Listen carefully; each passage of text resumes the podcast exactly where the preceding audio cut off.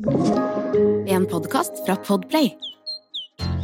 Grøntpodden, for deg som er helt grønn.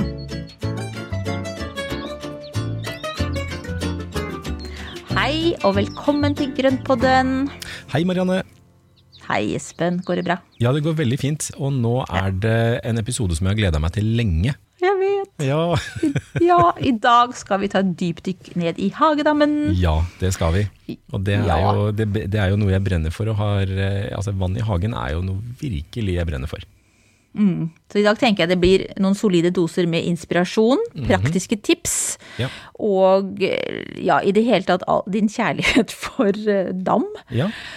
Men vi begynner jo med litt historikk. ja, og det er jo, altså, dette er jo ikke noe nytt, eh, egentlig. Og Nei. det er jo, altså vi snakker 5000 år siden. Ja. Jeg syns det er så gøy hver eneste gang vi begynner med historie, så er vi liksom tilbake på det er, det Vi snakker ikke 100 år, det er liksom tusen, tusenlappene som flyr. Ja, og det er jo veldig, Ja. det er jo veldig spennende, for det er, jo, det er jo mye av det vi tenker at det er nytt og trendy og sånne ting. Og så sier jeg nei, dette her er gammelt nytt som vi da bare tar og omformer i, i vår hverdag, og det syns jeg er veldig gøy. Ja, for det vi fant ut var jo da at det sånn dam generelt, da Mm. Det det i hvert fall fantes eh, i Egypt Ja, eh, for sånn 5000 år- siden. Var Ja. 2800 år før Kristus, i hvert fall. Så har de funnet eh, tegn på, på hagedam. Mm. Og det henger jo sammen med at man da begynte mer nå skal ikke jeg være historielærer, for nå føler jeg at jeg er ute på en liksom litt tynn, tynn gren her. Men jeg innbiller meg at det her henger sammen med at man begynte å hente inn vann fra elvene sine når man begynte mer med jordbruk. ikke sant? Ja. At man, man fikk vannkanaler og sånn, og så fant man ut at det her var jo ganske pent, og så tok man det med seg inn i, i hagene sine også. Mm. Og de hadde, Ja. et, de hadde jo et vanvittig utbygd eh, altså infrastruktur og vann og avløp. Og de, hadde, altså de lå jo så langt foran oss eh, allerede på den tida, som vi har sagt om før. Ja. Så, så det er kjempespennende. Og så er det jo, det, altså I hagedammer så er det jo mange som da har gullfisk eller koi. Mm. Og koi og gullfisk er jo egentlig samme familie, men det er to forskjellige arter. Og eh, det er jo også en eh, fisk som da er egentlig spora tilbake til eh, Shang-dynastiet i Kina eh, på 1600-tallet, eller 1600 år før Kristus. Såpass, ja. Så det er heller ikke noe ny fisk. Eh, Men på den Nei. tiden så var det jo mat, altså ble jo dette her brukt som matfisk. At det var en, en grå, kjedelig brun fisk, som, eh, eller eh, mørk fisk, som da ikke hadde noen tegninger og farger, og så brukte man den til mat. Og, Mm. Er det litt vondt også å si? Er, Altså, jeg tenker at Du har ikke det samme forholdet til dine. Nei, altså, man spi jeg spiser ikke vennene mine, og det, sånn sett, så det er det noe med det. Men den ble jo, kom jo da til 1800, eller på 1800-tallet kom den da til Japan. Eh, og da kom, Gjennom handel med Kina så kom den da til Mm. Japan. Og eh, der brukte de jo den også som mat i starten, men så oppdaget de jo at noen av disse fiskene hadde da tegninger og farger, og så begynte de å avle bevisst på det. Så Ja. fra tidlig 1900-tall så begynte de jo da å, å avle fram da spesielle tegninger, skjell, farger eh, og egne sorter, sånn at det ble en mye større industri. Og koi bringer jo lykke. Det er jo vært fra gammelt av, egentlig. Ja, er det ikke også sånn, det er jo et sånt symbol at man, eh, jeg holdt på å si, det finnes til og med på disse emojiene på, på mobilen, gjør det ikke det?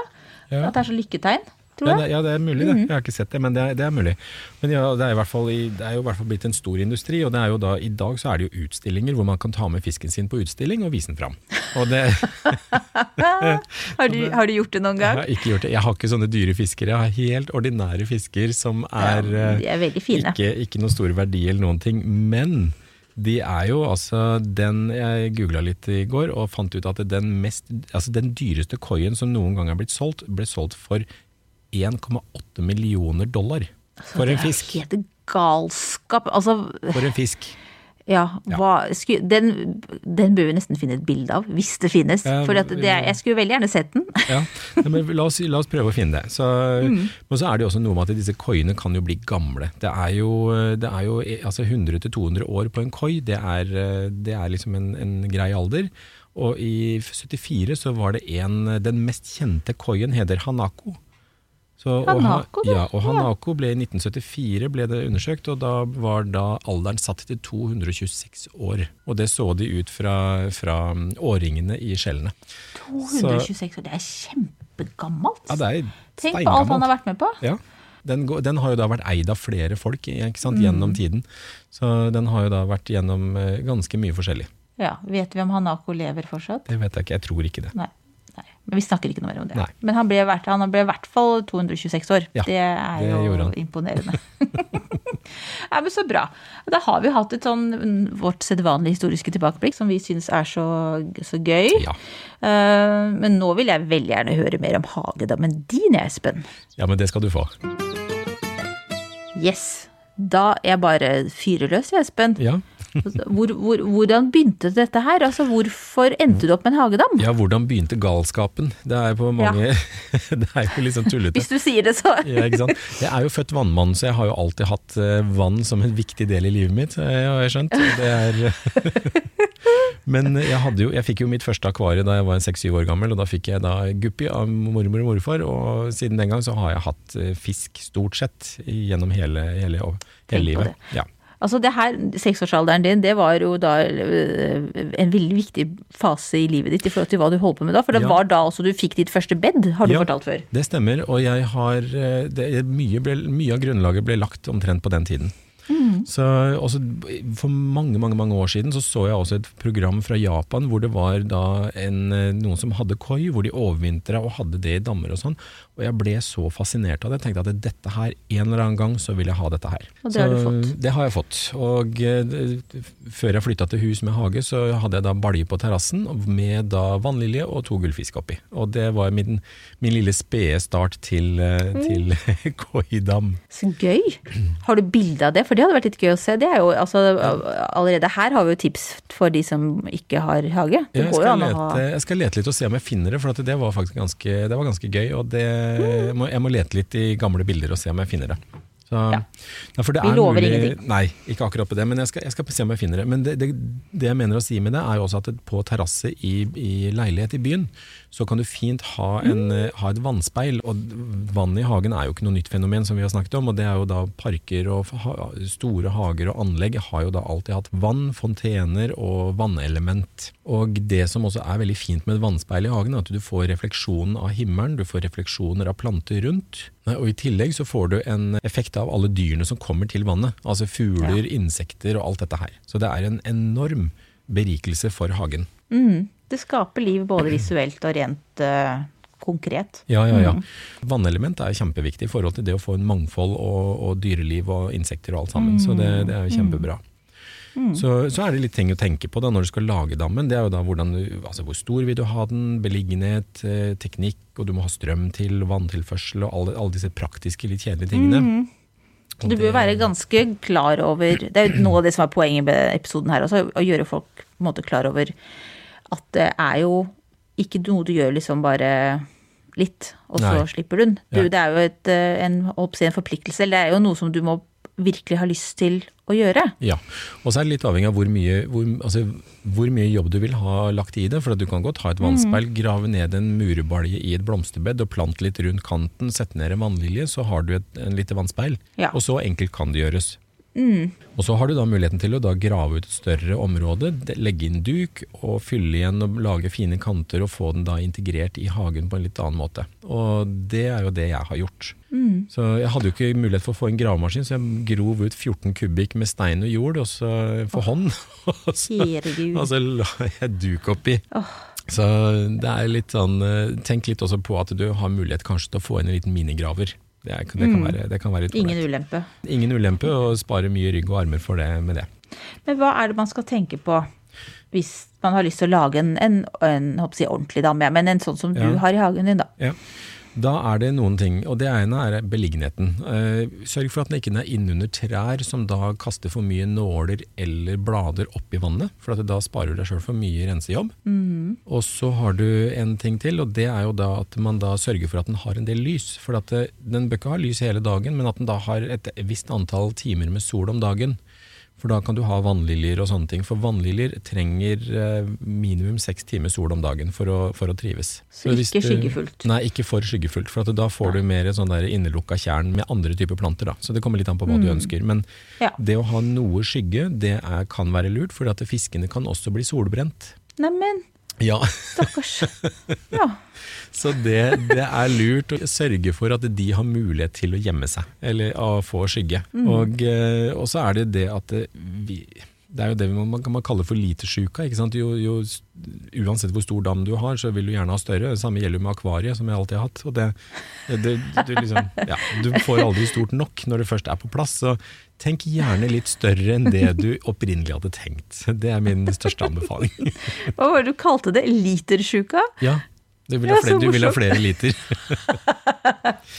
Så det er en anbefaling. Og det man også kan tenke på, det er at når du får plan altså sånn som Jeg har jo en, en dam som er veldig integrert i hagen, som er mest mulig naturlig. Og når plantene begynner å vokse til rundt kanten, så tar de en del av overflaten. Sånn at den vil ikke se så stor ut som den ofte gjør med en helt stram og rettlinja kant da, uten beplantning. Så tenk litt, grann, tenk litt på Ja. sikt at det, hvordan du vil at den skal se ut. Og, og så er det en annen ting, at dam med et stort vannvolum gir et mye mer stabilt miljø for vannorganismene. Altså for fisker og planter og insekter. Og, for det, det er jo massevis av krypdyr i dammen, og de skal jo leve godt liv. og Da, da er det viktig at du har en god balanse. og en stor dam gir et mer stabilt miljø. ja, det er greit. Så lag så stort du kan, da. Eller som Ja. passer inn i, i hagen din. Som passer der du skal ha det.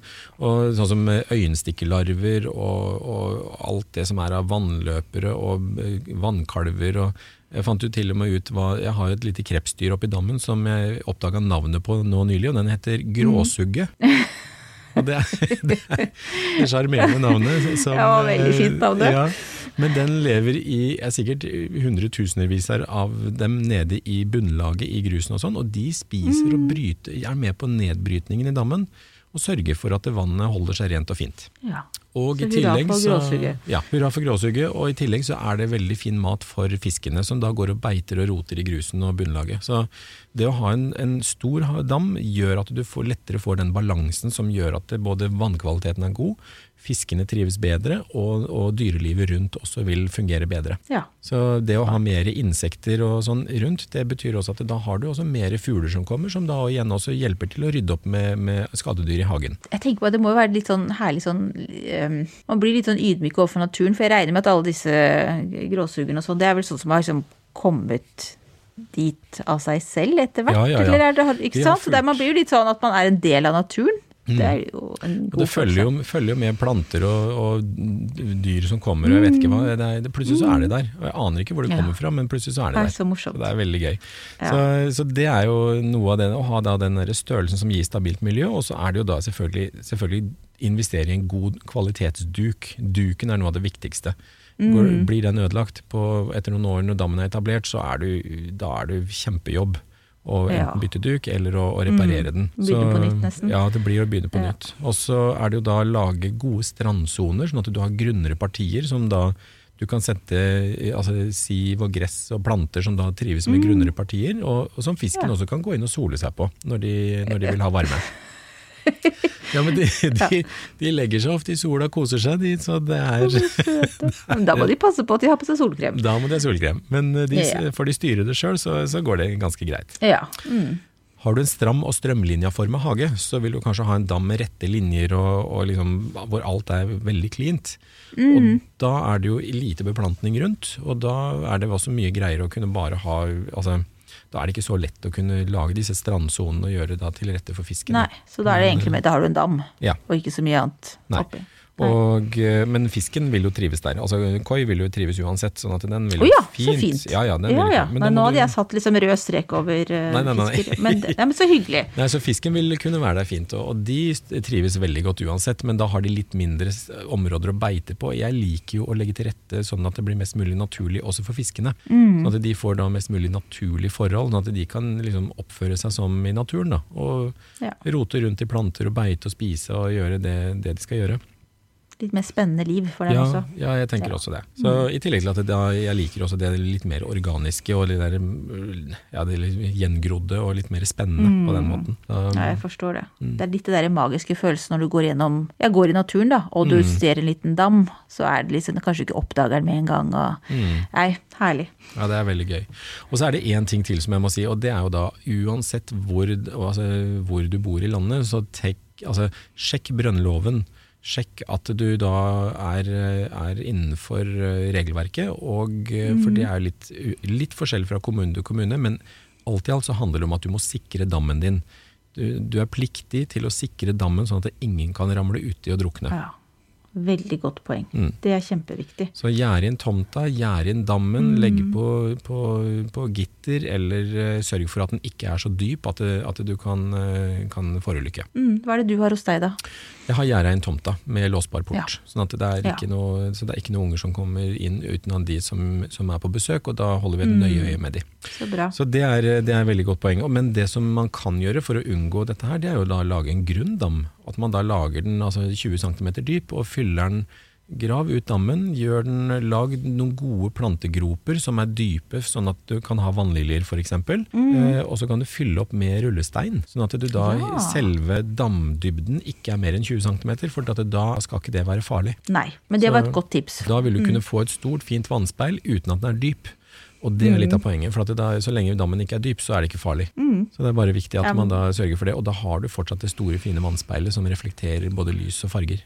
Nå er jo du veldig opptatt av det estetiske. Ja. Eh, så jeg regner med at du ikke Litt overbydelse. Jeg regner med at du ikke bare plunka den ut et sted. Altså, eh, hva, hva skal man tenke på eh, ja, for at det skal se best mulig ut, da? Jeg syns jo at det å integrere den godt, sånn at den henger i sammen med hus, at den henger i sammen med resten av hagen, er viktig. Eh, har du en stram, rett hage, så ville jeg selvfølgelig ha valgt en dam som også tilsvarer det.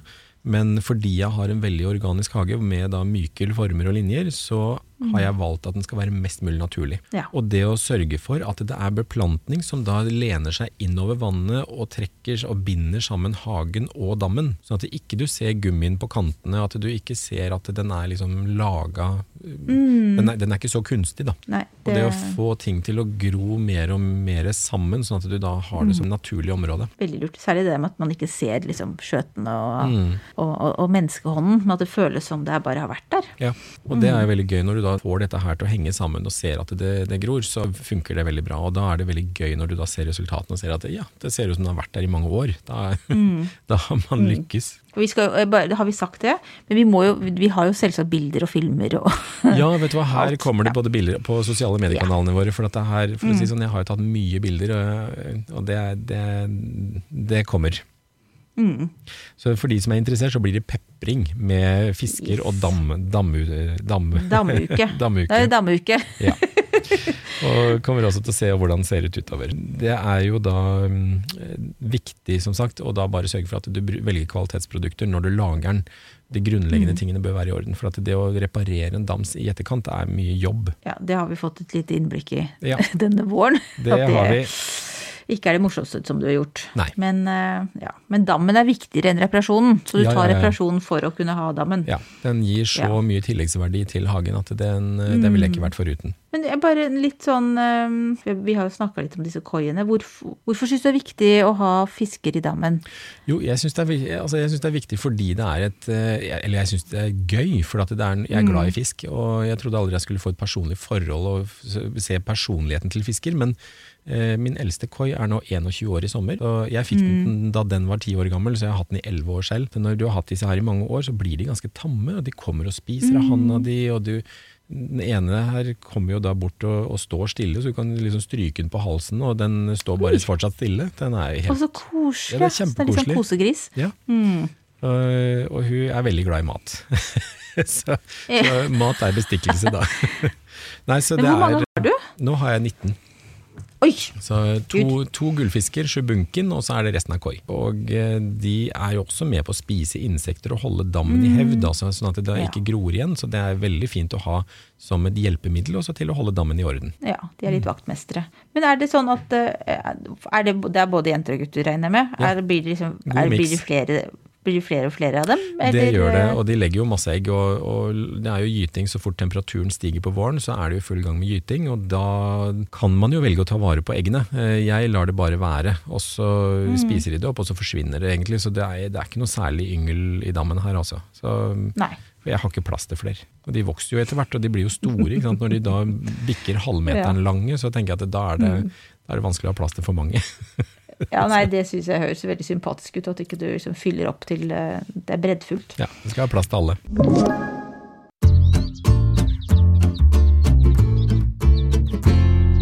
tenkte jeg da, Espen, at du har jo gjort deg en del erfaringer som du kanskje har oh, lyst til oh, yes. å dele med de som, som, nå sitter og tenker på at 'Dam har jeg lyst på'. Mm. Eh, sånn at de slipper å gjøre dine feil. Ja, vet du hva, Det er noe jeg har prøvd å skrive om på nettsida mi også, for at jeg har gjort mange mange feil. Og det er jo eh, Ja, man lærer jo, eh, selv om man noen ganger lærer på den litt sånn tunge måten. Men eh, det er jo en del ting sånn i forhold til å sette seg inn i hvordan det funker før man begynner å, å gjøre. Mm. Jeg, begynte jo, jeg begynte jo å grave, jeg, og så, begynte, og så ble tingene til litt etter hvert. Og det er veldig greit å sette seg inn og lage en ordentlig plan fra start til slutt i forhold til konstruksjonen. Så lag en god plan på konstruksjon. Eh, og så er det da mm, sørge for at man har da enkle koblinger, sånn at du kan koble om og ha litt fleksibilitet i filtersystemet, og lage et godt filtersystem. Ja, det ville jeg aldri tenkt på. Nei, for at fisk, og, og, og spesielt koi, da, de er avhengig av en god, god vannkvalitet for å trives.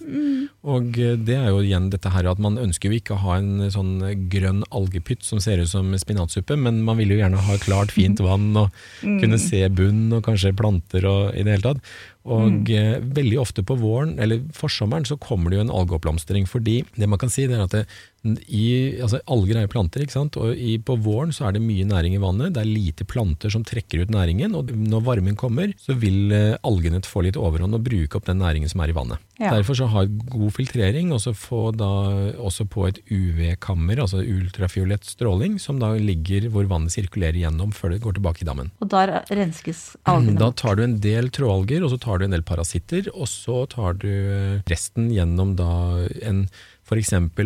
god beplantning og et sumpfilter som gjør at alt vannet, sånn som jeg bruker, et sumpfilter, hvor alt vannet i dammen renner gjennom, et, eh, gjennom planterøtter, og så vokser de opp, og så etter hvert som de tar ut næring, så da hogger jeg de ned og hiver på komposten, og så vil de Ja. fortsette å vokse, og så tar de ut masse næringsstoffer fra vannet. Ja. Så det er jo en av de tingene som, som jeg gjør. Og så er det jo da å velge kvalitetsmaterialer, altså solid gummiduk eh, og pumpe som er hjertet i dammen egentlig, som skal sørge for sirkulasjonen, at den ikke plutselig stopper opp eller, eller sånn. Det er kjempeviktig. Og når du har lagt duken, så ikke kutt kantene før dammen er fylt og er i funksjon. Det ja, gjorde jeg. For, ja. Oi!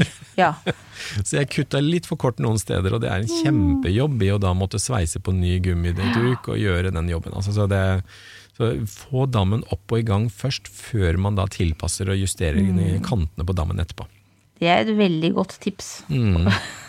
Det, det kan jeg, og det, det, det er liksom, Av hele mitt hjerte så er- ønsker jeg ingen andre å måtte gjøre akkurat den jobben som jeg nå har gjort. Mm. Så er det også en ting til. Også når du da legger opp en lager en dam, så er det jo noen ganger at du legger ned rør i bakken eh, for da tilbakeføring av vann eller utførsel av vann, og det er viktig å tenke på hvor de ligger. Ja. Hvor har du lagt rørene? ja. Ja. Har, har du tegna noe kart, da? Eller? Nei, men jeg har memorert det veldig nøye nå. For jeg har også gjort den feilen. Og da stå på spaden, hogge godt til, og vannspruten står. Oh, og Gud. eh, det anbefaler jeg heller ingen å gjøre, for det er også Nei. en sabla jobb å få rydda opp i. Å, fy fader. Ja. Det ble nesten litt sånn filmscene, det. Ja, så det Eh, er, det er sikkert ikke så morsomt å være den som står der med vannet over seg. Nei, nei, nei, nei, og i hvert fall ikke når du da har en pumpe som da pumper 25 000 liter i timen. Så, så er det ganske mye trykk. Fy fader. Så nei, jeg anbefaler da å være, være nøye på de tingene, sånn at man ikke da og bare prøve å huske på det. Og hvis det er, altså som sagt, eh, som du sa, så står det jo Du har jo laget en del eh, innhold Mm. om det her på Skarp i hagen. Ja. Så, så det går an å lese mer om det der. Ja. Du, du er jo innmari god på det der at du ikke Du, du skjuler jo ikke det du har gjort feil. Du deler men- heller erfaringen med Nei, men jeg tenker Det er viktig at vi alle gjør, altså deler de Ja. tingene vi gjør feil også. for at det er jo, det, Og feil gjør vi alle sammen, så det, hvis Mm. andre kan lære å slippe å gjøre de samme feilene, så tenker jeg at det da, da er mye av min oppgave gjort. Så, Mm. Ja, men det er veldig bra. Så, Ja. men det er jo, det er jo veldig er, Men det er i hvert fall de grunnleggende tingene som er, som er viktig å tenke på. Jeg, jeg tenker jo da at man får lagd den, og så er man litt sånn euforisk over at man har dammen på plass. Ja, Og det er lykkefølelse, det kan jeg love. Ikke sant? Ja. Det, det må jo være en helt herlig følelse. Mm. Men så er det jo vedlikeholdet. Eh, hva er det, for hva er det som er viktig å tenke på? Altså sånn, du har jo sikkert ting du gjør hvert år, regner jeg med, og kanskje hver sånn sesong. Og, Det er det. Hvem vet, kanskje til og med ukentlig eller daglig? Ja. Har du Det er jo litt forskjellig. Det, den store jobben som gjøres hver vår, det er jo å rense dammen. Jeg tømmer, klipper bort alt dødt plantemateriale og fikser og ordner og gjør det rent og pent. Og sånn at det er klart å vokse til for, for en ny sesong. Og så fyller jeg på med litt nytt vann. Og det er, det er den årlige renskinga. Og så er det jo da vedlikeholdet, bare plukke bort litt vissent her og der gjennom sesongen. Og så er det da mm. filteret som da bør renses. Har jeg et veldig enkelt filter som da jeg kan kjøre en vask på, og så spyle ut i komposten med da møkkavannet som da går ned i en kompostbinge. Og den tar jeg ca. én gang i uka. Ja, det tar det, meg ti minutter. Det er det ikke så Jeg forstår jo at den der vårlige ja, den er, den er, grundig. Den er grundig. Men, ja. Og, og, og for, på den måten så får jeg da et, litt, altså et vann som er mye renere uten så mye næringsstoffer, og får mindre algeoppblomstring. Mm. Fordi jeg har brukt hjelp av plantene til å ta ut mye av næringen og filtreringen, og så har jeg en liten bekk som slår inn oksygen, så, så er egentlig dammen veldig stabil i, eh, i, funksjon. Og når jeg da har en stabil Jeg er veldig tilhenger av å ikke tilføre kjemiske midler hvis det er mm. uh, uten at det er virkelig nødvendig. Mm. Og da er altså For å ha mest mulig stabil biotop, så, så, har jeg gjort det sånn. Og det funker veldig bra. Og da holder mm. vannet seg rent, tingene funker, fiskene trives. og Ukentlig så er det da ti minutter, altså i kvarter da med jobb med det, og så er det litt sånn pusling med planter innimellom. Men det gjør man jo i hagen. Men det her var jo ikke avskrekkende. Nei. Og så er det mating av fisk, da. Og det er bare kos. Det er jo ja. liksom litt frokost og til kveld, så er det ja. Og de er alltid sultne, så det er veldig hyggelig. Men hvordan er det med fisken din? Mm. Kan, kan, den overvintre ute? Ja da, det kan den. Og, og, det er ikke noe problem for gullfisk og koi å overvintre ute sånn temperaturmessig, men det som er viktig å tenke på, er at dammen ikke bunnfryser. Så den, eh, Det er jo da viktig at den dekkes til, eller at man da har den så dyp at den ikke eh, fryser til bunnen. For det vil de ikke klare. Mm. For da søker de seg nederst i dammen? Ja, og da vil jo da, det, det, varmeste vannet ligger jo ned på bunnen. ikke sant? Og da er det mm. viktig at man holder en åpen råk med da en luftpumpe eller varmekolbe eller tilsvarende, sånn at det da eh, avfallsgassene kommer ut. Og da er det veldig viktig at man har gjort dammen ren på høsten, sånn at det ikke er mye møkkete eller mye plantematerialer som råtner på bunn om vinteren. Mm. For hvis da isen legger seg tett, så vil, den, så vil, den, ligge som et lokk, og så vil alt av svovelgasser og, og, dritt og bråte ligge under der, og da blir det veldig utrivelig for fiskene. Ja, så, da dør de, ja. kanskje. Kan, ja. De kan gjøre det. Altså Gullfisk tåler mer enn koi, for at de er mer hardføre og robuste på vannkvaliteten. Eh, men det var jo for ja, nå er det 10-12 år siden, så var det jo en vinter hvor det da var 20 minus fra november til langt ut i mars. Og da klarte jo ikke jeg å holde åpen råk, og da mista jeg nesten alle fiskene mine. Oh. Og det er et sørgelig syn når da isen går, ja. og du finner det alt. Det er liksom bæreposer med død fisk, og det er, ikke, mm. det er virkelig trist, altså. Så mm. etter det så bygde jeg da en tank i garasjen som er fullisolert. 3000 liter. med varme og med filter og med lys, sånn at jeg kan holde kontroll på fiskene hver vinter. Så jeg bærer de inn og har de der, og så lar jeg bare dammen fryse ned med vann oppi. Og så ja. renser jeg den på våren. Mm. da, da vet du at de er sikra en grei eh, da, vintersesong. Ja. Da stiller jeg da temperaturen inn på syv grader, og så står de der hele vinteren og koser seg. Og da, da spiser de ikke heller, for det er under ti grader, så det trenger de ikke mat, for da stopper stoffskiftet. Så de spiser jo da ikke fra november til eller start på desember og fram til slutten av februar. Ja, de har gått i hi. Da går de i dvale. Og da mm, stopper stoffskiftet og mm. alt sammen. Og da så øker temperaturen igjen, og da begynner de å spise. Det er veldig morsomt. Det er, det er, det er finurlig hvordan denne verden er. Altså. Ah, så morsomt. Når er det de slipper ut som regel? De kommer ut nå, nå, i midten av mai, altså første halvdel av mai. Litt avhengig av temperaturen. Mm. Nå har jo denne våren vært litt seig og, og, kald, så den, eh, jeg vil gjerne at det skal være over ti grader før de slipper ut. For at det da, altså ti grader i vannet. Mm. For at det da, under ti grader så går de tilbake i dvale, og det, jeg vil gjerne at de skal være i aktivitet og, og, og sånne ting. Så mm. jeg venter litt. Så, men de pleier alltid å være ute til eh, ja, første-andre uka i mai. Jeg tenker på, Du har jo eh, erfaring med fisk fra før. Mm. Er det, tror du, er det som eh, hmm. Kan man begynne med koi i hagedammen sin uten noe særlig kunnskap fra før? Er det vanskelig? Det er ikke vanskelig, altså. Det, men jeg tenker at du må bare lære deg Akkurat som vi har snakka om plantene, så du må lære deg dine egne planter å kjenne. Du må se hvordan de oppfører seg og hva endringer Legg merke til endringer.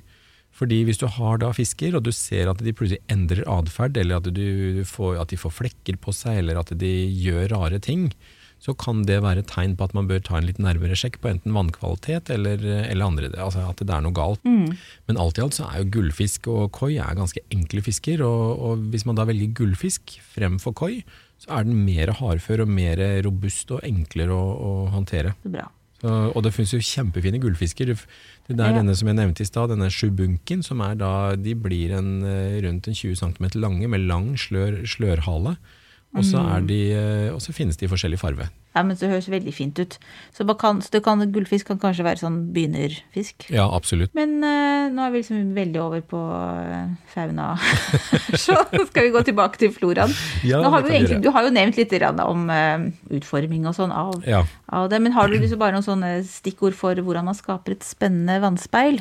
Ja, og det er jo det er absolutt, og det tenker jeg at i, i, rundt, i og rundt vannet, at du bruker blader, altså dette har vi snakket om før i forhold til eh, dette med planleggingen, at vi da bruker ulik struktur og tekstur i bladverket, at man da har mørkt og blankt og lyst og, og, og, og rutt og flikete og helt, at man da har de spenningene i bladverket. Fordi bladverket vil jo være der hele tiden, mens det er jo ikke så mye som blomstrer hele tida rundt en dam. Eh, og så er det jo selvfølgelig ha plass til et par vannliljer. Det er, uh, den der, ja, dronninga i dammen er jo bare helt rå når den setter i gang. Og da kan jeg anbefale det er to stykker, og det ene er uh, goner, som er en hvit fylt, tettfylt, som har masse kronblader i, som er kjempefin. Og så er det en, eh, en vannlilje som heter Hollandia.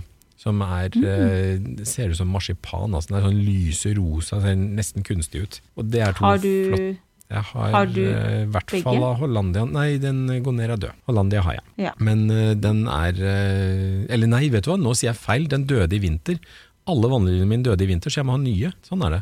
De står på litt grunnere partier. Så var det en veldig tøff vinter med mye barfrost, og isen gikk mye dypere enn normalt. Så isen har gått ned og tatt knekken på alle vannliljerøttene mine. Ja. Så der, ja. Men jeg skal ha tilbake. Hollandia, og jeg tror nok Ja. Goner også kommer tilbake igjen i dammen i løpet av våren. Men jeg synes i hvert fall hvis du har noen fine dambilder med, med de, så, så viser vi det i hvert fall. For det er, åh, det er så fint. Ja, det er Veldig, kjempefint. veldig nydelig. Ja. Altså med beplantningen, da, bare for å ta kjapt med det, så er det da å bruke kontraster. Det er jo alltid kontraster, og så er det høyder. Bruk også høyder rundt dammen, for at hvis du har busker og trær som da kan da skjule litt av dammen, sånn at ikke du ser hele dammen ved første øyekast. Altså Hvis du da må gå litt rundt og se, oi, da ser du en litt annen vinkel eller andre linjer i hagen og i dammen. Så det tror jeg kan være lurt. Så nevnte du noe om en bekk. Har Ja. du bekk til ned til dammen? Jeg har bekk fra dammen og ned til filteret, og så pumpes Ja. vannet opp igjen derfra. Og en bekk gir jo fin lyd, og der er det også mulighet for å plante inn litt gøyale planter som da trives med å stå med tærne i vann. Og da har vi jo annet disse her primulaene, primula japonica og den der eh, primula bulisiana, som også er helt rå. Altså den mm. japonicaen er superfin. Og den kommer opp med da ser ut som etasjer med blomster. Det kommer en ring med blomster, og så kommer det en ny stilk, ring med blomster, ny stilk, ring med blomster. Kjempefint. Så Ja. det, er, det er noen veldig fine planter som da liker å stå med, med beina i vann. Og så tenker jeg det med bekk også, er jo det at den lyden, som du sier, den er jo veldig behagelig å høre på. Og den kan jo også dempe litt andre lyder. Hvis Ja, det ja, er mye altså, trafikk utenpå veien og sånne ting, så kan det være fint å ha en liten dam. Absolutt. En liten bekk, mener jeg. Ja, og vet du, Mm. en, Hvis man ikke har plass til en dam, så kan du bare lage bekk. Og det er fint. Det er fint, det. Mm. Og da kan du bare lage en, en bekk i Hvis du har en liten skråning eller helning i hagen, så kan du lage bekken og uten å ha dam, og bare ha en oppsamlingskulp nede og oppe, som gjør at du bare kan ha den sildrende bekken i hagen og uten dammen. Ja, men da må jeg nesten tipse om eh, en svensk Instagram-konto. Ja. Eh, han Svante Økvist. Ja, Der har de det. Det er en ganske spesiell. Det ser ut som det, er det bekken er lagd av noen keramiske greier. Det er veldig fint, men, det, men den ligger da i en helling. Mm. Ja. Det er en veldig eh, god idé, altså. altså gøy. Og da får du både lyden og vannplantemulighetene i, i kantene, og så Mm. slipper du alt det styret med dammen. Hvis du syns det er slitsomt eller er litt en uoverkommelig mye jobb. Uh, apropos at det kan være litt mye å gjøre i dammen. Hva, hva slags kriser kan man få der? For å få oss ned på jorda igjen? Ja, Kriser er jo da selvfølgelig hvis noen har, eh, har punktert duken, og det er enten hvis du da har f.eks. en stor hund på besøk som da har klora høl, eller hvis du har vært så uheldig å ha hatt besøk av eh, hegere, og det er det faktisk en del som har. Og den Ja. tømmer jo dammen på et øyeblikk for fisk, men da ofte det der spisse, lange nebbet kan jo punktere duken.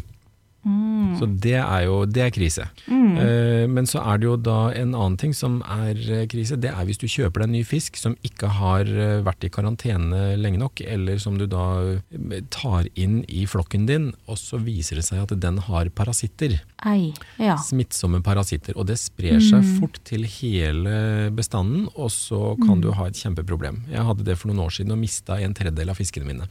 Ei. Før jeg, før jeg skjønte hva som var galt, for at de bare døde. Og jeg fant ikke ut av det, og da var det mikroskopprøve. Og eh, få, få stadfesta hvilken parasitt det var, og så få medisinering. Kjempejobb, men, eh, og det, det, det kan gå veldig fort, så vær veldig forsiktig. Hvis du har en gruppe med fisk som funker og som har det fint og ikke er noe tull med, vær veldig forsiktig med å ta Ja. en ny fisk i den bestanden. Det, det er, eh, Og da må de på karantenehotell først. da må de på kar...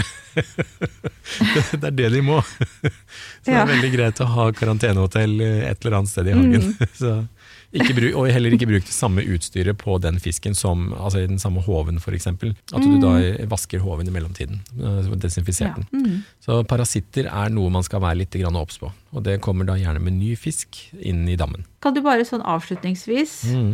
eh, Altså, vi kunne jo egentlig snakka om det her eh, enda lenger, Espen. For det Ja, her er det er, jo... det- Jeg elsker å høre deg fortelle om det, for du blir så, og, du blir så glad av å Ja, men jeg blir jo så glad av det. Og jeg tenker at det er jo bare å Ja, men vi kan gjøre det igjen. Altså, kom gjerne med tilbakemelding. Hvis, hvis dere har lyst til å høre mer om dette her, så, Mm. og, eller se mer av det, så, så lager vi eventuelt video av det. Så, så Ja. skal vi vise mer, altså. Så dam er gøy. Ja. Men du ville, hva var det du tenkte på avslutningsvis? Jo, for egentlig så hadde jeg liksom tenkt at det skulle være litt sånn ekkel, eller ikke det, men altså sånn Er det noen gang du blir stressa av å ha en dam? Men jeg, det, det setter en strek over den, for at hva er det liksom Hva er det som gjør deg ekstra lykkelig med å ha en dam? Syns jeg er mye morsommere å spørre om. Å ja! Å, vet du hva? Det er, det er å se at alt er, har det bra. Altså det, altså jeg er glad i å se at ting funker og har det bra, det, det, er, det er vi jo kanskje alle sammen. Men, men det å kunne da sette seg ned på morgenkvisten når sola kommer opp, og med en god kopp kaffe, se utover dammen, se fiskene rolig bare svømme rundt og kose seg og spise litt og beite litt, og, og øyenstikkerne som da begynner å svirre rundt, og det er eh, vannløpere på vannet, og det er altså den derre roen som det gir. Å sitte der og se på det, vet du hva, det tror jeg er toppen av lykke.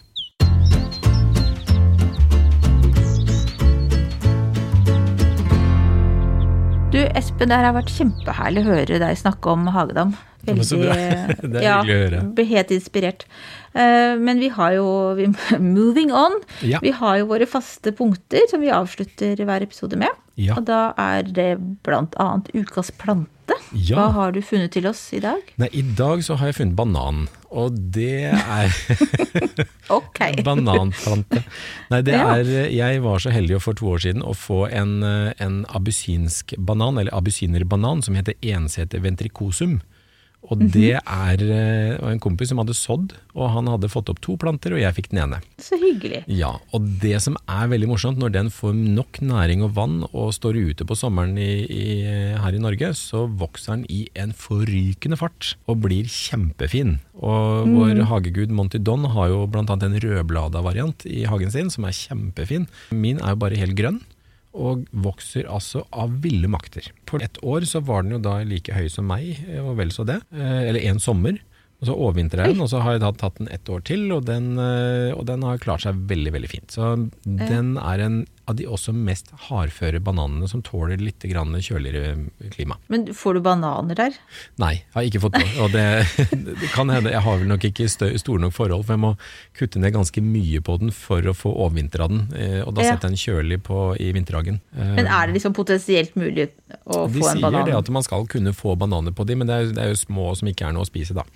Små fulle av steiner. Men eh, det er, Mm. Ja. En, det er en mulighet. Men jeg har veldig lyst til å bytte ut denne her med da en annen banan som er japansk fiberbanan. Ok, den, hvorfor det? eh, Jo, for den er enda mer hardfør, og den skal tåle minusgrader. Så den tåler Mm. Så den kan stå ute? Ja, eller da skal den pakkes godt inn. Altså det som er over bakken vil jo, vil jo fryse, men da mm. mye av blader og sånn fryser. Men den skal kunne tåle ned til minus eh, bortimot 20 grader. Korte perioder, og jeg vet ikke helt om den norske tæle, tæle, eller vinteren med tæle her er helt optimal da. Det er også en veldig fin bananpalme. Mm. Eller det er jo ikke Det palme. Det er jo ikke palme, det er jo en urt. Bananer er jo en det- urteplante. Det er jo en svær urteplante. Herregud, er bananer urter? Ja. Oi, Ja, Så- ja, da liker jeg urter på brødskive, alt jeg på å si. Så gøy. Er det noe mer vi skal si? Vi kan slenge ut et bilde, kan vi ikke det? Det skal vi gjøre. Jeg har, jeg har et veldig fint bilde fra i fjor, og, Mm. eh, hvor jeg da står og holder den. Og den, eh, da kan man se litt grann størrelsesforholdet, og så har jeg et annet et som, hvor den da står eh, i fri utfoldelse. Herlig. ja, jeg fortsetter, jeg, du. Det, Ja. det, vi kunne også snakka veldig lenge om auberginerbananer, men, Ja. eh, ja, men vi tar ukas spørsmål istedenfor. Ja. For det er en som lurer på om det er for sent å flytte på skjærsminn-busker nå i slutten av mai. Ja, og det er et veldig godt spørsmål. For at det er busker som da er i Når vi er i slutten av mai, så er de i full vekst, og det er veldig god, god fart i blad, bladveksten på de. Og disse skal jo også nå snart blomstre. Så hvis man har mulighet til å vente litt, så er det lurt. Vent til rett etter blomstring. Men hvis du må flytte den, så er det viktig at du kutter ned ganske mye av bladmassen før du før du graver den opp, eller når du graver den opp. Så, så er det selvfølgelig å få med så mye av rota som mulig. Som stor rotklump som overhodet mulig å få med. Og så kanskje halvere bladmassen. Altså kutt de kraftig tilbake. for at, eh, ja. ja. ja. For at Så da går du glipp av blomstringa hvis du flytter den ja, før Hvis du flytter den nå, så er det ikke noe blomstring i år. Men det som, eh, og grunnen til det er at det, når du da kutter rota og får en mye mindre rotklump, så har ikke den nok krefter til å opprettholde livet i alt det bladverket som er på en plante som er, er godt etablert. Så, Og de er jo, altså sjersmin og, og syrin og en del av de andre buskene her, de er jo veldig sånn der livskraftige, og de skyter bare nytt igjen. Men, eh, men når du skal flytte den, så er det viktig at du da fjerner mye av det som er over bakken, når du da tar det som er under bakken. Ja. Mm. Nei, men det er grei lærdom. Så hva gjør vi nå? Espen, hva gjør du nå, da? Nå er det kjøpt noen nye planter, for Ja, hva? Det kommer stadig nye planter, og det er jo veldig, veldig bra, men, eller veldig gøy, men det blir jo så fullt. Og det som er at et drivhus er bare så knøkfullt at det er nesten så det buler. Og nå Mm. skal en del av de tingene ut som har stått og, og kosa seg der mens da den Mm. litt kjølige våren har vært. Så nå er ting ferdig herda, og nå skal det flyttes ut. Nå skal det ut for sommeren. Så nå ja, er det det rett og slett å få mer plass i drivhuset. Men du da Marianne, hvordan går det hos deg? Det går bra. Eh, Jeg driver akkurat nå og lager eh, jordbær... Jeg begynte for litt stund siden, men utvider det stadig vekk. Jordbærbed. Ja, Eh, Fordi jeg mm, holder jo på veldig mye nede i den kjøkkenhagen. Jeg prøver liksom også å tiltrekke meg resten av familien ned dit. så jeg tenkte at jordbær, det er liksom noe som ungene syns er hyggelig, i hvert fall. Så da har jeg kjøpt litt forskjellige typer. Noen som får bær ganske tidlig på sesongen, og, så, Mm. og noen som kommer seint. Og så en som var remonterende. Som da Oi, skulle hørtes veldig smart ut, så jeg tok med det nå. Så får vi se. Jeg føler at jeg ikke er helt i, i boks der ennå. ja, Men, men det er eh, utrolig deilig, da. ja, så det blir liksom sånn bær- og fruktkroken av, eh, av kjøkkenhagen. Mm. Så, og så satt jeg og Vi har jo litt sånn eh, markjordbær rundt omkring som vokser, så jeg flytta noen av din også ned dit. Så Mm. at det, det blir jordbærfokus. Jordbær Så det er holder jeg på med. Altså, så herlig. Det er kjempegodt. Jeg elsker det. Og bare det å gå så småspise jordbær underveis, Mm. det, er, det, er det, det er jo da de smaker best. Yes, Espen, da er vi ferdig med Hagedam-episoden. Ja, det er vi. Og det er, eh, Mm. Er- men eh, forhåpentligvis så skal vi snakke mer om det senere, så vi kommer innom med sånne smådrypp innimellom. Ja. Absolutt. Og så kan dere jo gjerne, hvis det er noe som dere lurer på, så si ifra, så kan vi jo eventuelt lage en, en annen episode seinere der vi fokuserer på de tingene som dere, dere lurer på. En spørrepod Ja. om eh, Hagedam. Det kan vi gjøre. Men, ikke sant? Men for nå så gjelder det bare å tipse dere om å følge oss i sosiale medier. Ja. Tagg oss gjerne, og still oss spørsmål. Uh, ja, i det hele tatt, vi er uh, veldig kontaktbare. Ja. Så gjør det. Og neste uke, eller neste episode, da har vi tenkt at vi skal um, på en måte snakke litt om innredningen i uterommet. Altså Ja. litt trender, hva som Ja. Vi forsøker oss litt på å se de store linjene og eh, skape herlige uterom. Mm. Og da blir det jo også både altså det, En ting er jo da hagemøbler og, og de, altså de tingene man da pynter opp og dekker, altså bruker i uterommet, men også da hvordan vi kan bruke litt av plantene til å møblere med. Så Det blir gøy. Det blir kjempegøy, det gleder vi oss til. Og så får vi si bare tusen takk for at dere ville høre på Dam i dag. Det er uh, veldig gøy å få dele, dele så mye Det har min du gledet deg til. Ja, vi har Ja. det, altså. Så Ja. tusen takk til alle som har hørt på. Ha det bra, alle sammen, så snakkes vi snart. Ha det bra.